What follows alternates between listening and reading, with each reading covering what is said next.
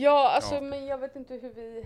Nej men ska vi inte bara börja med, vi säger någonting hej hej. Hej och välkomna till uh, Raka Gatan, en podd från Salems församling. Jag heter Karin. Jag ska låta lite gladare. Som att det är det mest smärtsamma du har gjort i ditt liv. Jag ska försöka tänka på att inte flytta på micken hela tiden.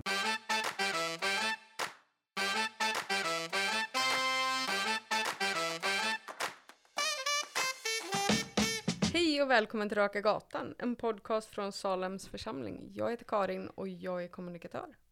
Jag heter Johan, jag är präst här i församlingen. Och jag heter Jenny och jag är kyrkoherde. Hur är läget? Ja, det är bra. Det är mycket på jobbet. Ja.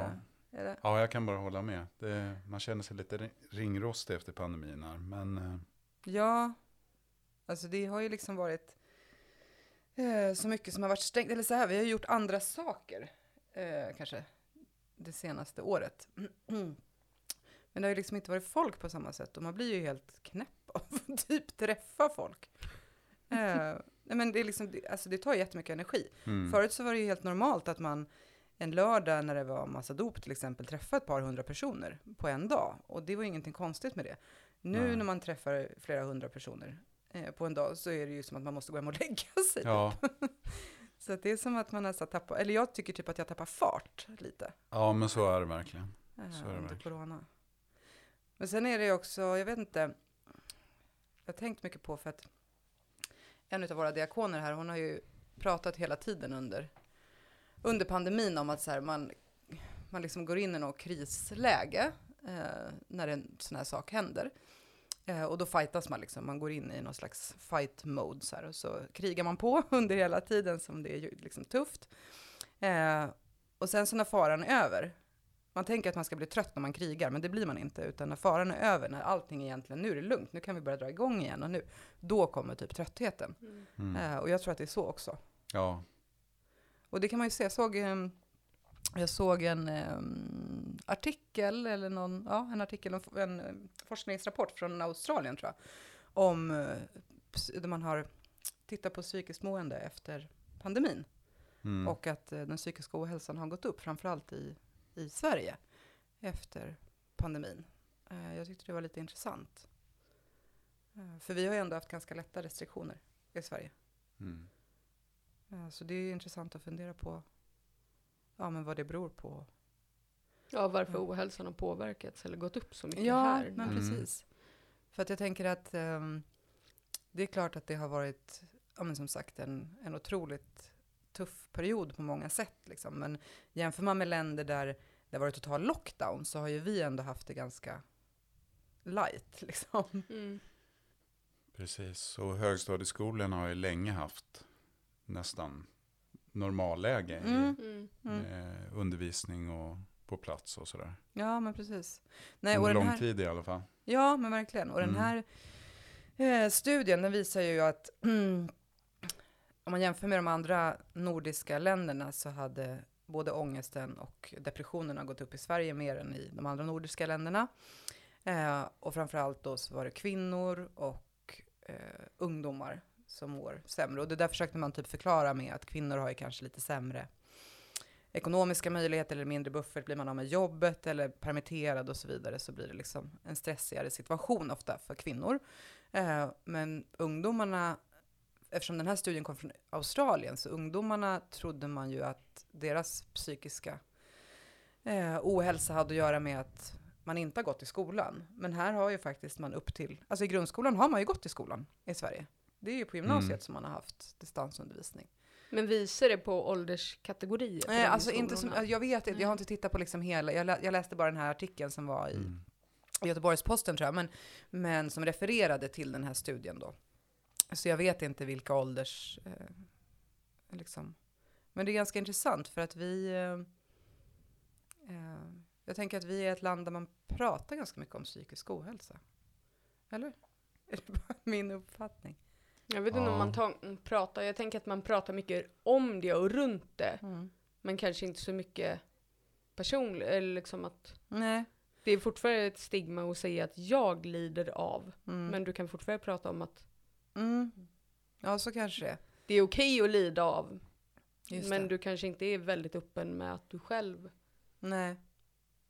För där är det väl fortfarande lite tabu att gå och säga Mm. att du mår dåligt. Mm. Du ska väl fortfarande vara ganska pepp på livet liksom. Mm.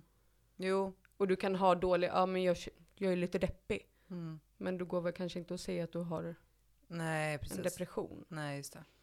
Nej, jag tänker mer, alltså jag tänkte nog kanske mer att det ändå lyfts upp på någon slags Mm. agenda, liksom att vi pratar om det i media och ehm, många liksom kända personer som har delat med sig av sina Mm. liksom, perioder när man har mått dåligt eller sådär. Jämfört med kanske många andra länder. Jag vet inte, det är bara en känsla jag har. Att det är så.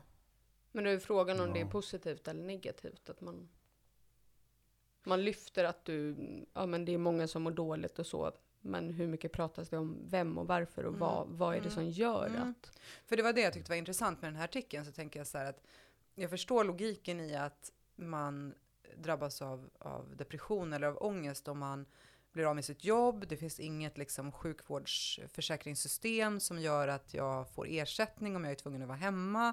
Eller, ja, eller om jag blir av med jobbet, att jag får ersättning då.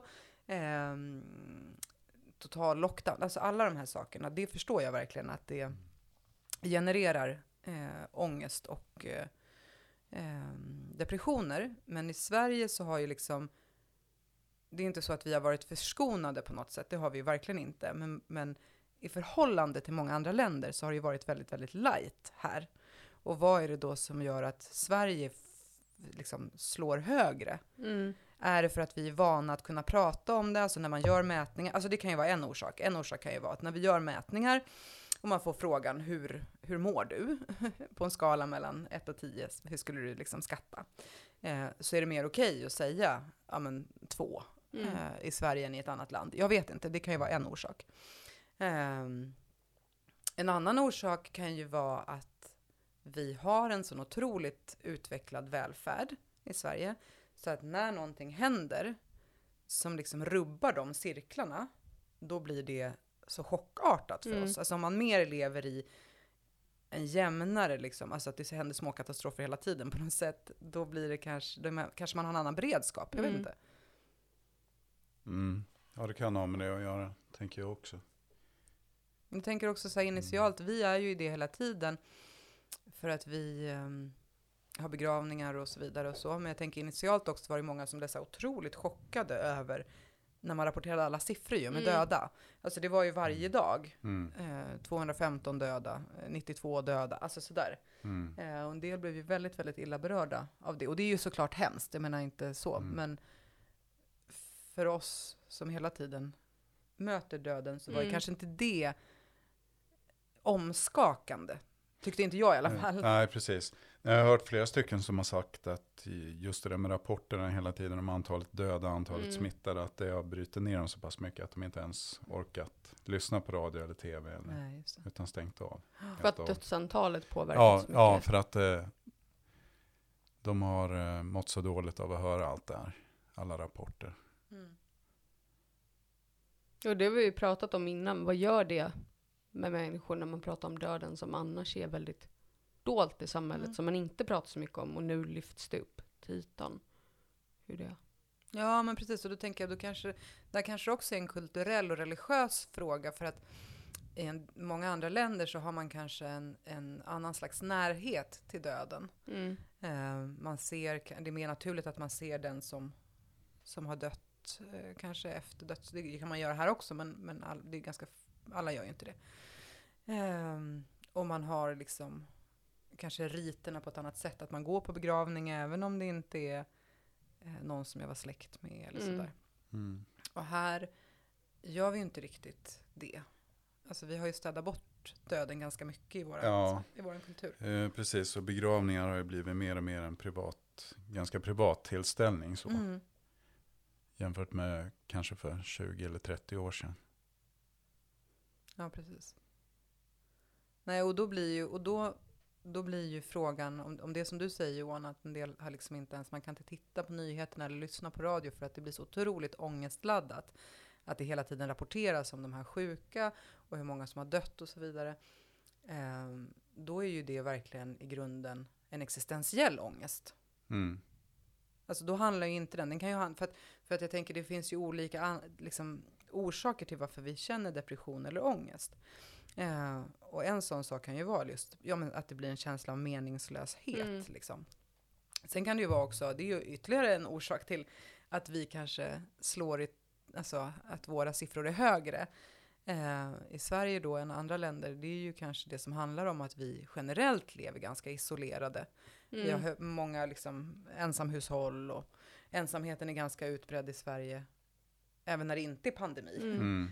Eh, Men när samhället stänger ner och man inte ens kan gå till sitt gym eller till biblioteket eller vad det nu kan vara, där man kanske träffar någon åtminstone och hejar lite på och pratar lite med, då blir det ju väldigt isolerat. Så Mm. att det kan ju också vara en orsak, men, men eh, Jag tänkte när man pratar om välfärdssamhälle och Sveriges välfärd. Men sen är det vilket skyddsnät är viktigast? Är det Mm. liksom samhällets skyddsnät eller är det familj, nära relationer och så Mm. som är en helt, helt annorlunda i Sverige jämfört Mm. med andra länder där man bor väldigt tätt inpå Mm. och har ett annat typ av Mm. skyddsnät eller mer personligt eller liksom känslomässigt på något sätt. mm, Och om det då är bättre ja, precis. för människor Mm. och välmåendet. Liksom hur. Ja, men precis. Och där tänker jag också att det är verkligen, och det, det är ju en sån sak som man brukar, det brukar man ju liksom skatta ganska högt i vad som eh, skapar god hälsa, alltså Mm. inte bara mental hälsa utan fysisk hälsa, eh, så är ju det att du har eh, alltså ett socialt sammanhang. Mm. Eh, familj, vänner, de som du har runt omkring dig. Liksom. Mm. Att det påverkar inte bara hur man mår mentalt utan även faktiskt fysiskt. Alltså det är väl en del man tittar på också eh, är en faktor i, i livslängd faktiskt. Eh, och där är, har ju vi inte alls det naturligt. Nej. Nej. Alltså man kanske träffar sin släkt på någon högtid eller när någon fyller år liksom. Men det är inte det här nära. Nej. Nej, för jag tänker även om det finns en trygghet i att du kanske kan söka läkarvård på ett helt annat sätt än i USA och så. Så är det ju fortfarande ja, men det andra.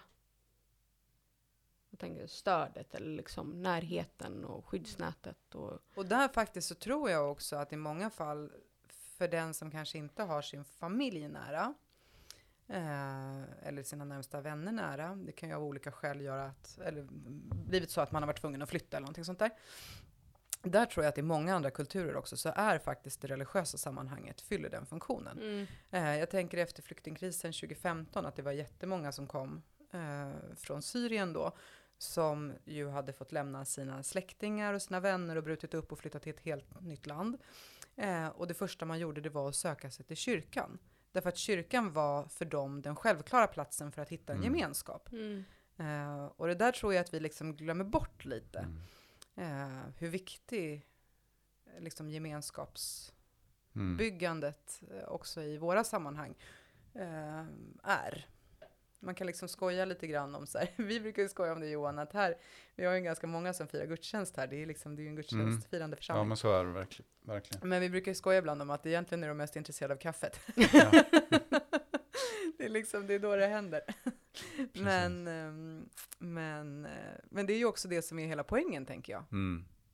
Det är ju faktiskt det, för det är, där de, det är där de är församling. Mm. Precis. Sen finns det ändå lite grann i, i den, i, bland svenskar också när man flyttar utomlands. Då är det väldigt många svenskar som söker sig till Svenska kyrkan i Ja. utlandet. Mm. Skutförsamlingarna, de är Mm. ofta välbesökta. Även de av de som eh, kanske väldigt sällan går i kyrkan. Eller gick i kyrkan här hemma i Sverige. Men när, de, när man väl är utomlands så, så hittar man ett sammanhang där. I och med att eh, det känns tryggt och vant med, med det här svenska. Och man träffar andra svenskar. Och, och man firar högtider och sådär. Så att eh, det finns nog lite grann. Men man glömmer bort det här i Sverige på något Mm. sätt. Tappar den biten. Mm. Och det tänker jag också hänger ihop lite grann med kris och katastrofer. Det är ofta då här i Sverige också som folk söker sig till kyrkan. Att Mm. Då kommer man att tänka på att ja just det, kyrkan. Och då kommer de här existentiella frågorna upp. Om man börjar fundera i de banorna överhuvudtaget som man kanske inte alls har gjort annars. Så egentligen så borde vi ha så här, kyrkan skulle ha värsta läget nu. ja men alltså jag tänker både Mm. så här, Ja men verkligen. Ja, men Mm. eller hur, efter den här perioden att, att någonstans eh, alla de här existentiella frågorna som rör kan, alltså, jag kan bli sjuk, min eh, närstående kan bli sjuk, eh, vad gör det med oss, någon kan dö, alla de Mm. frågorna liksom som är djupt existentiella. Eh, som man kanske har börjat fundera över under den här perioden. Mm. Och sen så dessutom den här isoleringen och ensamheten. Där det faktiskt är så att vi är ju också, alltså vi kan skoja om kyrkkaffet, men vi är ju också bra på det. Mm. Alltså vi är jättebra på det. På att möta människor, att sätta Mm. människor i sammanhang, att liksom tutta ihop också, eller Mm. tussa ihop liksom. Ehm, så, folk. i- Ja, eh, I olika grupper och sådär.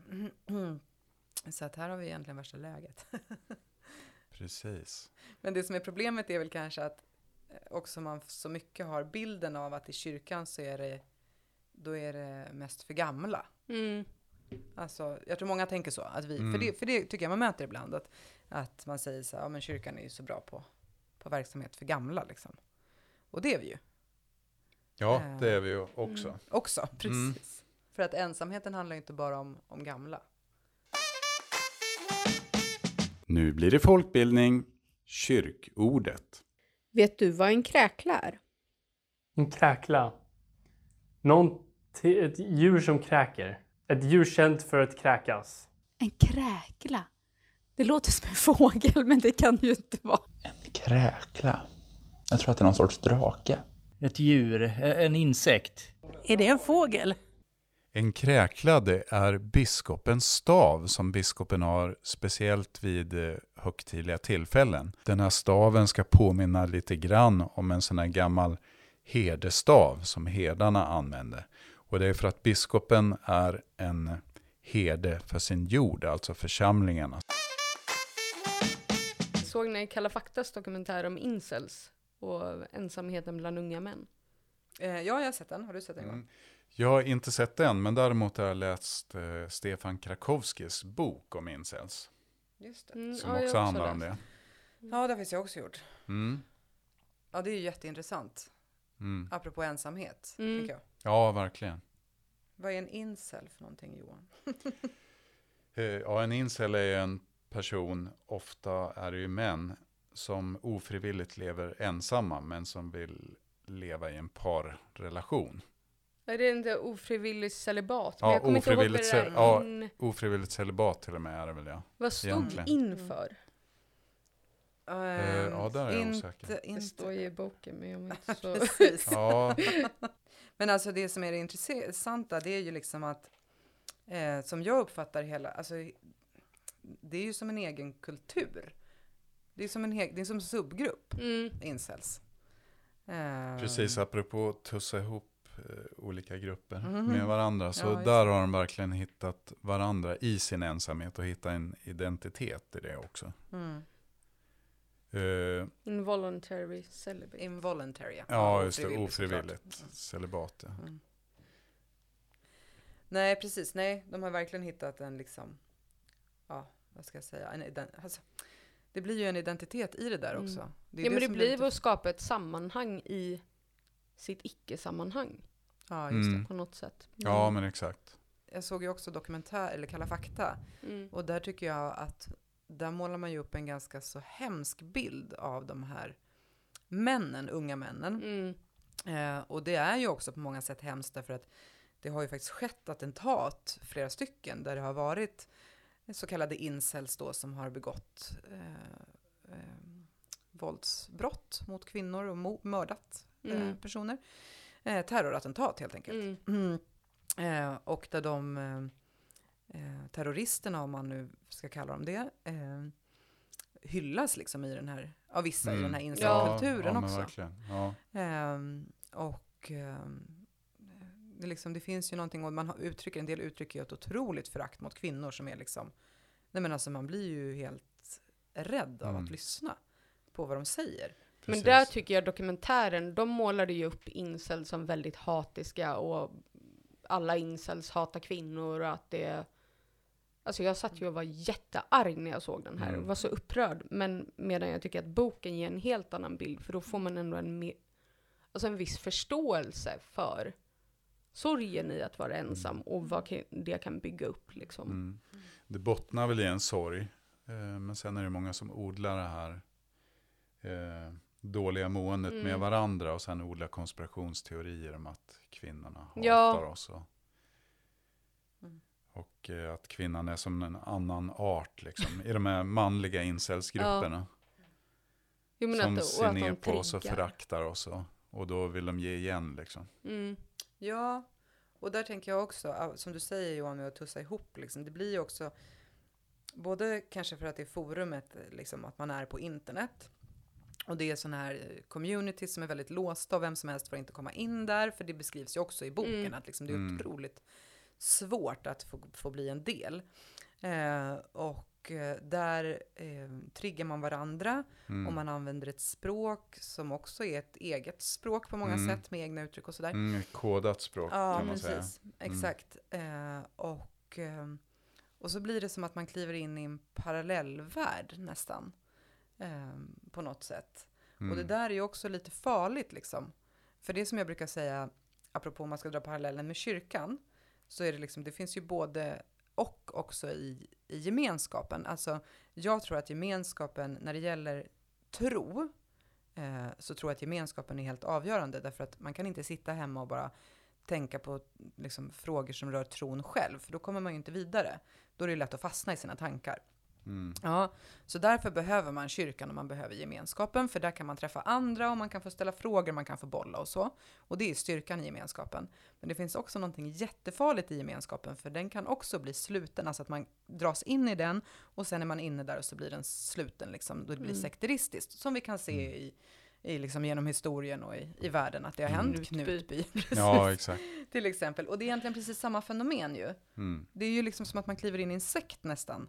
Alltså de här incels. Mm. Ja, ja men där, där är det ju verkligen. Man triggar varandra i, sin, eh, i, i sina extrema Mm. åsikter. Man, får, man blir aldrig motsagd utan man blir uppmuntrad Mm. snarare. Och sen tänker jag att de har byggt upp ett sätt hur man ska bete sig. Och du har äntligen fått komma in i det där sammanhanget. Om du då beter dig normalt, då blir du ju kanske utesluten från det enda sammanhanget du har. Så Ja, att man liksom. Precis. triggas Ja, till exakt. att bete sig Exakt. likadant. Precis. Eh, Exakt så. Och det är ju precis samma fenomen som i sekten, tänker Mm.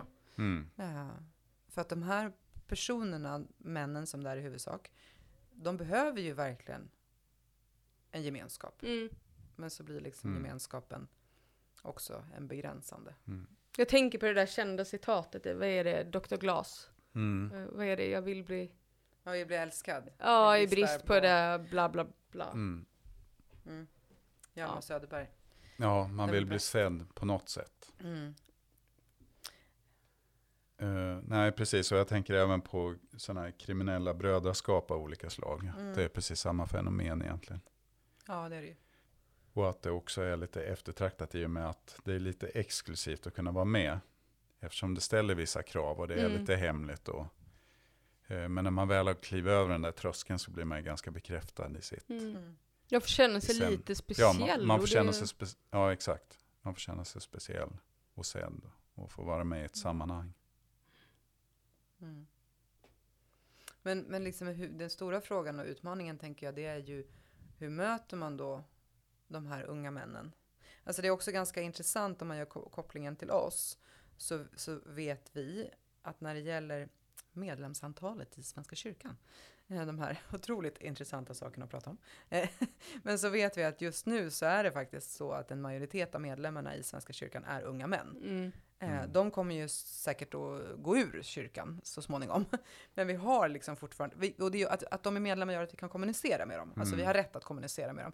När de går ur, då har inte vi några kontaktuppgifter eller någonting Nej. sånt där. Nu kan vi kommunicera. Eh, och då tänker jag, hur, hur möter man de här? Det är ju inte bara ett ansvar för oss såklart, det är ett ansvar för hela samhället. Men hur kan man möta dem på ett annat sätt? Så att det inte blir att man dras in i den här ganska destruktiva miljön på något sätt. Alltså sen finns det Mm. väl sånt som är fint där också. Det tycker jag också han beskriver i boken, Stefan, att, de peppar ju varandra Ja. och sådär också, så det finns ju någonting Mm. jättefint också. Men, men det blir ju väldigt... Ja, och han gav ju ändå en lite tydligare bild om att det inte... När han intervjuade många av de där männen så var det ju många som uttryckte väldigt starkt att jag hatar inte kvinnor. Nej. Medan så, ja i dokumentären var det ju helt annorlunda. Men han var ju Mm. ändå, tyckte han var ganska tydlig med att liksom få fram att alla är inte så. Nej, Att det- verkligen. Mm. Men det blir ju också problematiskt, eh, just som du säger Karin, att, att liksom eh, ett, att det är ett innanför och ett utanför. Och hur, om, du sen, om du är en incel då och klassar dig som det och är med i, liksom ett sånt här typ av community eller vad man ska säga. Eh, och där har du dina vänner och sånt. Om du sen då skulle träffa en tjej. Alltså då blir ju du, Mm. då blir ju du en av de onda. Ja. Eller vad man ska säga. Alltså så det blir ju liksom, det blir kontraproduktivt på ett sätt. Alltså just det här att vara Mm. innanför, att vara utanför eller liksom att, och att man inte vill förlora sitt sammanhang. Man måste Mm. gå in i, som du säger, språket, beteendet för att annars så hamnar du Precis. utanför. ja, och man hittar en identitet i det också. Ja, precis. Och då man blir bygger upp den, hela sin identitet Mm. kring att vara utanför. exakt. Och den blir ju begränsande i sig. Mm. Eh, och då är frågan, hur möter man de här liksom, personerna på ett bättre sätt? Mm. Kan vi det ens? Ja, det är ju... Ja, Ja. Det, det är en utmaning. 10 000 verkligen. kronors ja, frågan. precis. Hur möter vi dem? Ja men jag tänker, vi har ju ändå, vi har lokaler, vi är bra på ensamhet, vi, vi är bra på att ta människor liksom. Men hur möter man unga män? Mm. Liksom hur, Mm. hur ska de fatta att de kan komma hit och här finns ändå en gemenskap? Nej, precis. Och sen blir det väl när det är färre som, tänk när det är färre som går i kyrkan och är vana vid att gå i kyrkan, de tänker ju att alla i kyrkan är konstiga. Eller Liksom att, Ja, och jag tror att den här, alltså många av de här killarna, mm, som kanske då är typ 20 plus, typ så. Alltså det finns ju inte ens i deras tankevärld att kyrkan finns. nej, Alltså de tänker inte Nej. ens på att kyrkan finns. Nej, De skulle kunna inte. gå förbi här utanför var och varannan dag och aldrig reflektera att det, över att det här är en kyrka ens. nej. Ehm, utan då är det kanske så att man måste tänka ännu tidigare, alltså typ konfirmations... Mm. Alltså så att man bygger relation Mm. längre då. Mm, Eh, För det är ju också många som uttryckte, tyckte jag, i eh, boken, eh, att man har haft det ganska jobbigt med kompisar och mm. i skolan och kanske mobbning och sådär, från det att man gick typ på högstadiet. Så att en del har ju liksom, Mm. ja, den bakgrunden också ju.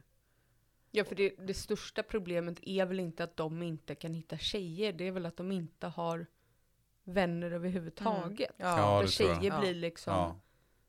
det är klart att det känns som ett problem för att det är, de får in, att det är fysisk närhet. Men fysiska närheten blir väl liksom ett sekundärproblem när det är närheten från första början som är ett problem, liksom, att ha vänner. Mm. Men att det märks när det är liksom, att det är den fysiska närheten som märks bristen på, Ja. på ett annat sätt. Mm. Eller är det det de tänker på? Nej men och jag tänker att, jag tänker att det också uttrycker en norm i vårt samhälle som är ganska stark eh, och som jag också tycker är problematisk och det är ju också den att, att man ska leva i tvåsamhet Mm. eh, och att eh, den som typ inte har en relation eh, den är det typ något fel på så här. Mm. Varför har den lyckats hitta någon? Eh, alltså det är liksom man har den attityden. Mm. Och att det också är familjebildandet som på något sätt är liksom det högsta. Mm. Ja, Eh, och själva, ja men det som man ska sträva efter. Nu börjar ju det luckras upp lite mer kanske, men, men det har ju verkligen varit så att, att liksom det är familj, alltså. ja man det är ska- parrelation och Ja. du ska skaffa barn och det Ja, är allt som Mm. ha- har någon mening. Ja, precis, precis. Som att man inte kan leva ett meningsfullt liv. Mm. Eh, Och där är också intressant, apropå om vi ska knyta ihop eh, säcken med det psykiska måendet, så är det ju ganska intressant att just det här med liksom parbildandet och framförallt att skaffa barn och få familj, så finns det ju forskning som visar att man inte alls är speciellt lycklig över att skaffa barn och familj. Alltså Ja, framförallt jo. skaffa barn så Mm. är det ju så att, Mm. att faktiskt känslan av, av välmående går ner av det. så att eh, det är liksom inte ens, det går inte riktigt Mm. ihop sig. Ja. Nej, och där blir det väl om man då kollar på om man siffrorna, att välmåendet där går ner, men om du inte skaffar barn, då får du också konstanta frågor. När ska ni skaffa barn? Mm. Mm. Varför har inte ni några barn? Vill du ha barn? Mm. Precis. Nej, det är en väldigt stark Som norm. ja. dessutom Mm. folk inte har med att göra. Nej, Mm. men precis. Nej, men verkligen faktiskt. Det är ju både, det finns ju massa, massa skäl till varför man inte vill eller inte kan eller inte. Och det är en privat sak. Mm. Eh, men också just den här när man inte lever då i en kärleksrelation. Som jag kan tänka mig att det är för de här männen mycket Mm. också. Att liksom, det blir känslan av att ingen vill ha mig. Jag är värdelös. Jag är ful. Jag är... Ja, man kan hitta på tusen liksom, olika skäl till varför ingen har valt mig. Liksom. Mm. Mm. Och det är ju någonstans också att idealisera kärleken och parrelationer väldigt, väldigt, väldigt Mm. mycket, tänker jag. Och mång, väldigt många av de här incelsen, de odlar just det här att, eh, att de är fula. Mm. Att det är det allt hänger på. Mm. Eh, De tror att vore jag snyggare så vore Mm. alla problem i världen. Men det är egentligen inte det det handlar om i Mm. bot, grund och botten. Ja, för i Nej. boken handlar det ju mycket om shads. Liksom med de Mm, där det. männen med perfekta käkbenen och Alltså de- perfekta Ja, avståndet. ja, precis. Jo, de har verkligen fastnat, hakat upp Ja, sig. och verkligen Ja. så här, verkligen, alltså det finns typ YouTube-filmer om hur Mm. ex, liksom en man ska se ut som är en chad, typ. Ja. Men sen så som de beskriver någon som man tänker, ja men den bilden jag får när de beskrev en Chad. Så är det så här, är det där en man jag skulle vilja ha? Nej, jag tror inte det. Nej, och vet ni, det är ju också jätteintressant, för jag tittade på den här eh, dokumentärserien som gick på SVT med Belinda Olsson, som hette Från, från savannen till Tinder, eller något sånt där. Som handlar om kön och eh, alltså biologiskt kön och socialt kön och dating och sådär. Och i ett av de första avsnitten, då gör hon en, en undersökning där de liksom mäter hjärnaktiviteten hos henne, eller liksom hur hennes hjärna ag- agerar, eller reagerar mm, på när hon ser bilder på olika män. Och det är inte alls så. Alltså när hon ser liksom Brad Pitt som då är en så här, eh, stereotypt eh, klassiskt snygg man som man borde gå igång på, då reagerar inte alls hjärnan som att hjärnan vill komma nära den personen. Nej. Utan det man ser är att liksom, kvinnor vill inte alls ha de här männen som är liksom, ja, men de perfekta, alltså Ken-dockan. Utan det blir nästan hotfullt för en kvinna. Mm. Eh, Så att det stämmer ju inte heller. Eh, att, det liksom, att det bara skulle vara chadsen då. Nej, för jag tänker, får- så som jag tänker en Chad, så typ Brad, Brad Pitt och så här. Ja men det är det är bara yta och det är Mm. bara fake. Mm. Är det någon jag skulle vilja leva med. Nej. Nej. För att det är inte på riktigt, eller liksom, sen tycker inte jag Brad Pitt är så jävla snygg, men, men jag, jag kan se och förstå att okej, ja han är, jag kan ändå se att han är snygg, eller liksom jag kan förstå vad det är. Men jag tycker inte att det är, han är inte tilltalande. Nej. Sen är han plastikopererad också. Är han det? Ja, Han eh, skaffade sig ett skilsmässo-face eller vad det kallas. Efter att han, Vad Varför har jag gjort det? Jenny! nej, efter att han skilde sig med Angelina Jolie så skulle han snygga till sig lite och se lite yngre och fräschare ut. Så att då, Nu har jag liksom kommit Hur på är det. ett Det är, därför, det är därför jag är singel efter att jag skilde mig. Nu har jag kommit på det. Jag, är- det är för att jag inte Du har gjort inget skilsmässoface. skilsmässoface. ja precis. Nej men då snyggade han till sig lite grann här och var. Lyfte, gjorde lite lyft och sånt där. Har jag läst. Mm. Just. Vad Han har är, han han är ju ändå född eh, 63 så han är ju 58 Ah. år. Oj, oj, oj, han är så gammal. Han och, eh, eh, vad heter han, Johnny Depp, de är lika Mm, gamla. De är lika gamla. Och Men jag eh, tycker Johnny George, Depp Jo- ser äldre ut. Alltså Johnny Depp var ju jättesnygg Ja, han var jättesnygg. tycker jag. Ja. Men, Men- Men, men där är också frågan, tyckte man typ att han var jättesnygg eller var det för att han lanserades som jättesnygg? ja, alltså Mm. egentligen vet Jo, jag inte kanske om är en jag tycker hype, han är liksom. så Ja. snygg. Men det är ju någonting med hans roller mer och roll, alltså Ja, för att jag tror alltså Edward Scissorhands. Ja, jag tyckte ju att han var snygg i den det också. ja, ja, nu är vi inne på, på, på Johnny Depp. ja. Ja, jag tyckte, jag tyckte han var snygg i Edward Scissorhands. mm, ja, det tyckte jag också. Oj, oj, oj. Och Nej, då men- är det också, Ja, annars han var det var väl ingen terror, Chad? på, Mm. terror på Elm Street, det var där han slog igenom. Aha, var det? Ja, han var ju pojkvännen där. Ja, just I det. den första Terror på Elm Street från 84 eller något sånt där. Ja, just det. Ja. Men, men jag tänker att det där är också lite spännande för att det är ju vissa sådana här då eh, personer som, som blir ikoner nästan så det, för, när det gäller skönhet. Mm. Och det är samma sak på kvinnosidan. Ehm, och tar man då som på, på 90-talet måste det ha varit med Pamela Anderson till exempel. Och så. Men pratar man med många män så är det inte många män som egentligen tycker att det är så här, typ den vackraste kvinnan. Liksom. Eh, för att de också lanseras. Och det är ju Ja. det som är intressant tycker jag om man ska koppla ihop det eller liksom gå tillbaka till det här med incels. Så är det ju också som att de, de lägger mycket fokus på att det handlar om att jag inte är tillräckligt snygg och hade jag sett ut som en tjäd och bla bla bla bla bla bla bla eller hade jag varit eller så här. Eh, men allt, alla de här sakerna, det är ju liksom bara yta som hela tiden lanseras som att vi ska vilja ha det och vilja köpa det och vilja liksom, det handlar egentligen bara om konsumtion ju. Mm. Eh, det, och det är olika saker och där tänker jag att där har man också missat det som är poängen då i sånt fall med en kärleksrelation. För att en kärleksrelation är ju, tänker jag mig, frikopplad från det. Eh, på något vis. Liksom, det handlar ju om andra värden. Än det här ytliga liksom. Mm. Jo. Som vårt samhälle har blivit väldigt mycket. Alltså, och med så här, internetdatingvärlden har det ju verkligen blivit yta. Alltså, det är det man liksom Mm. säljer på på något sätt. Eller? Ja, om man swipar och du kan, det är hela tiden någonting bättre, men då är det ju bara yta. Då är det bara, det är bara Ja. utseende ju, så är det ju. Och sen är det klart att, alltså, till viss del har de väl ändå rätt, för det är klart att du går på yta lite grann, det är ju det första du ser. Ja, så har det ju varit men det alla, är ju alltså, inte det även man innan fastnar internet. för. Mm. Nej. Det är väl inte, nej, Edward Nej. Scissorhands är ju ingen kärd. Liksom. Nej, och nej, ändå nej, tycker han är snygg. Liksom, Nej, så. precis. Och då tänker jag att det har ju också att göra med hur karaktären framställs Ja. i filmen, såklart.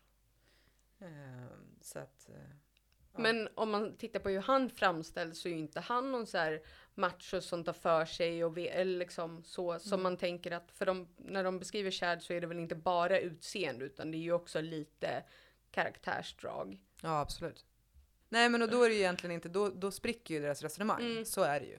Mm. För att kvinnor är egentligen inte speciellt intresserade av att vare sig utseendemässigt eller eh, karaktärsmässigt vilja ha en så kallad chad. Nej. Men det är ändå de man tror är idealet. Mm.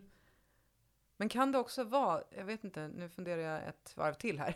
Kan det också vara för att de är ju ganska unga, många av de här männen? Kan det vara att det är så att de relaterar till tjejer som de liksom har mött typ på gymnasiet eller så här. Och då är man ju mer så. Då är man ju Mm. mer så här, gud han är så snygg och ah, alltså. Förstår ni hur jag menar? Jag ska liksom Mm. inte raljera över hur man var. Jag var ju också så när jag var, när jag var 17 liksom. Men jag tänker att, att, relations, att gå in i en relation och hitta en kärleksrelation och sådär. Eh, det är också någonting som förändras över tid i takt med sin egen mognad. Mm. Mm. Ja för i den åldern då triggar man ju varandra. Ja, men Att, precis, så här, precis. var personen verkligen så snygg? Nej, men man triggar upp det där Mm. Mm. att man skulle tycka personen var Exakt. snygg.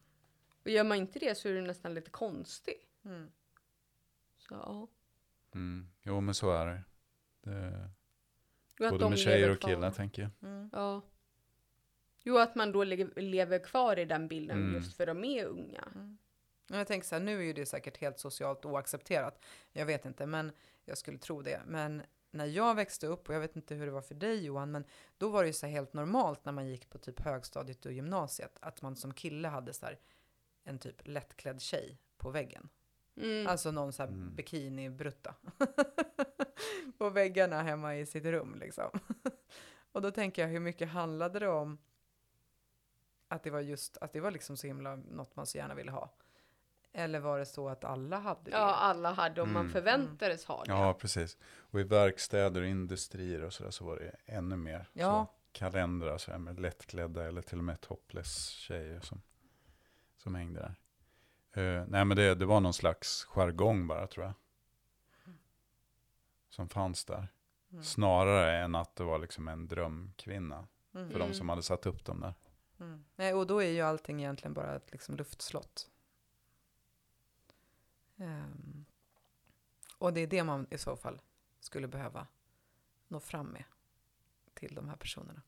Eh, sen, jag vet inte om det är ett sidospår, men sen lever vi också i någon slags framgångskultur där, där man ska vara lyckad, man ska känna sig lycklig och man ska lyckas på alla möjliga sätt. För att på ett sätt så har vi alla möjligheter idag jämfört med människor för kanske bara 50-60 år sedan, men ännu mer för 100 år sedan och sådär. Men eh, i teorin, men sen i verkligheten så, så är det ofta inte så, utan man stöter på olika omständigheter som hindrar allt det här. Och då blir det en slags kollision där att i tankarna och i drömmarna så har man liksom alla möjligheter, världen ligger för ens fötter. Men så blir det inte så. Det tar stopp liksom. Det går inte. Det är psykologiska hämningar, det är alla möjliga omständigheter som ställer sig i vägen. Så att det går liksom inte riktigt att lyckas på livets alla områden. Och jag tänker att det kan också spela in även i det här incels-sammanhangen.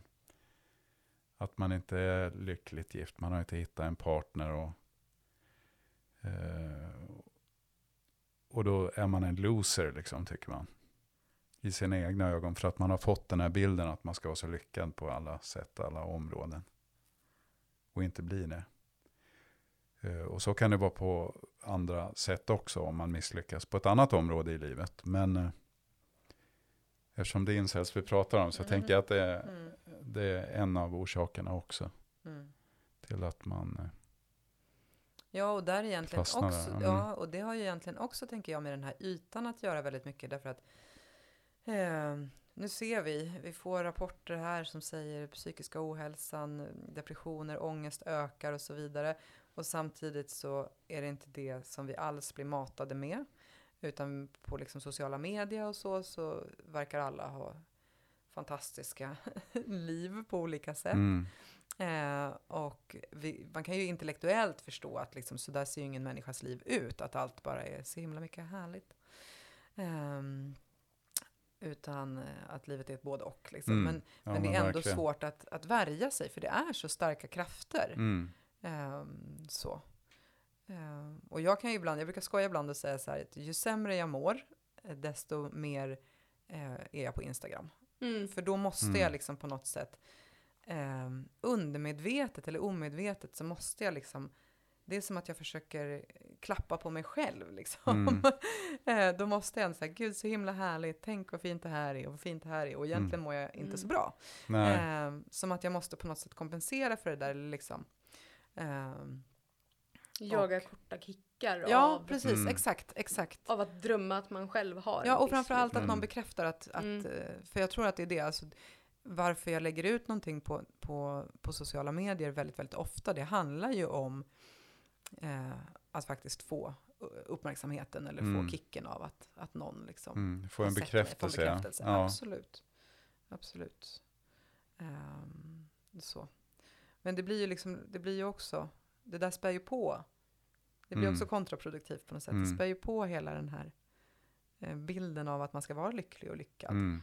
Och att livet ska vara så himla härligt. Men det är precis som du säger Johan, livet är ju väldigt lite av det som bara är räkmacka. Liksom. Ja, Utan verkligen. Det drabbar ju oss hela tiden. Och, och allra största delen så är det ju egentligen inte så mycket alls. Alltså, det är ganska grå och trist vardag. Mm. Man går upp, man äter sin frukost, går till jobbet, kommer hem, käkar middag, går och lägger sig. Alltså, det är mm. ganska mycket så som bara är så. Ja, precis. Och man orkar inte allt det som man Nej. känner att man borde hinna med. Liksom. Man kanske kommer hem från jobbet så orkar man inte göra så mycket mer. Nej, precis. Och så rullar dagarna på, liksom, att ja. tiden går på på det sättet. Ja, man hinner inte göra karriär, man hinner inte resa jorden runt. Man hinner inte med det ena och det andra som man mm. kanske hade drömt om. Mm. Nej, och där är det ju också en djup, en djup existentiell fråga som människan har burit på i alla tider. Nämligen den av att, av att känna tomhet. Att livet mm. inte är så mycket mer. Uh, och det är väl det som också har blivit ett problem lite grann i hela den här lycklig och lyckad kulturen, mm. att det inte är okej att känna så. Utan då ska man hela tiden liksom välja lyckan, välja tacksamheten, mm. välja glädjen, men allt vad det är för någonting. Mm.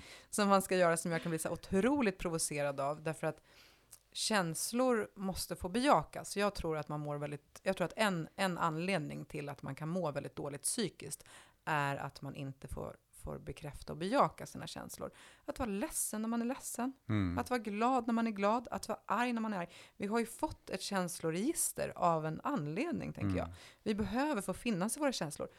Eh, men, men hela den här kulturen säger ju att vi ska bestämma vad vi ska känna. Mm. Eh, och det är, ingenting, det är ingenting skamfyllt i att känna tomhet. Eh, liksom går vi tillbaka till de bibliska texterna som är liksom 3000 år gamla, så pratar människor om att man känner tomhet Mm. över livets beskaffenhet. Att livet inte är mer än så här. Eh, och då tänker jag, det är ju ett uttryck för att människan har känt så här i alla tider, det är inget konstigt i det. Eh, och det kanske vi måste få acceptera. Mm. Det kommer inte alltid kännas så. Eh, men det är också en del av att vara människa. Mm. Eh, jag tycker det är så himla kul, för både du och jag Johan, vi har ju tittat på den här eh, SVT-serien Deg, Mm. som har gått. Eh, och vi ska inte avslöja inte för spoila. mycket. Nej, vi ska Nej. inte avslöja för mycket. Men huvudpersonen då eh, i den här serien har ju liksom ganska, det är mycket stresspåslag, det är ganska trassligt. Och så hela tiden, det kan man säga utan att spoila någonting, så när hon sitter i bilen så är det ju någon sån här mindfulness-person som håller på och snackar, som hon har på, något ljud så här. Ja, just det, just det. nu Där. långsamt. Och du vet, Mm. sådär. Ja. Och det blir så otroligt liksom tragikomiskt på något sätt, att bara i hennes liv är allt kaos. Alltså det är kaos, kaos, kaos, kaos, kaos, på ett sätt som man inte ens kan förstå. Och sen så liksom sitter den här rösten och bara, välj nu att se positivt på det som du står inför. Du vet, man bara, ja just det. Jag tycker det är ganska kul. Ja, liksom, ja, det är att riktigt De kul. var så här, ja, Riktigt för att kul. ibland är ju livet också, det är ju också så att ibland är också livet trasigt på riktigt. Mm. Någon dör, man skiljer sig, eh, en förälder blir sjuk, man blir av med sitt jobb. Alltså det är ju reella kriser. Mm. Man måste ju också få vara i dem. Precis. Och jag tänker också det att eh, jag tror vi lägger ner väldigt mycket energi på att hålla upp en fasad, hålla upp en yta och att man är mycket mer lyckad än man, vad man faktiskt är egentligen. Mm. men hamnar man i tillräckligt mycket ångest, man tappar all status, liksom, då, då har man eh, då kanske man får där någonstans få kraft till förändring. Då behöver man inte lägga ner den här energin på att försöka hålla upp en snygg fasad, utan då kanske man kan lägga ner energin på att komma vidare eller välja en ny riktning i livet istället. Och då kanske vi kan knyta ihop säcken och gå tillbaka till det som vi började prata om, om det psykiska måendet efter coronapandemin. För det kan ju också då vara precis det som har hänt. Att eh, vi har ändå haft ganska lätta restriktioner. Vi har framförallt haft ett otroligt starkt skyddsnät från samhällets sida eh, med sjukvård och ehm, eh, anslag vad gäller mm, vad heter det? permitteringar och så vidare. Eh, men vi har getts väldigt mycket tid under det här året att också faktiskt få eh, alltså, ge det här, Mm. våra, vårat liksom känsloliv kanske utrymme också. Så det kan också hänga ihop. Mm, det kan säkert med- spela in, ja. Ja, Ja, det tror jag. Ja, vi kanske ska sätta punkt där. Ja, Ja, vad händer nu då? Vad ska ni göra? Jag ska på möte här om en liten stund. Johan mm, jag ska förbereda kvällens mässa tror jag. Ja, jobba vidare. Du då Mm. Karin? Jag ska layouta budget och Ja. klippa podd. Ja. ja, men då så. Då Mm. kör vi på då. Jajamän. Det är bra. Mm. Hej då! Hej då! Hej då!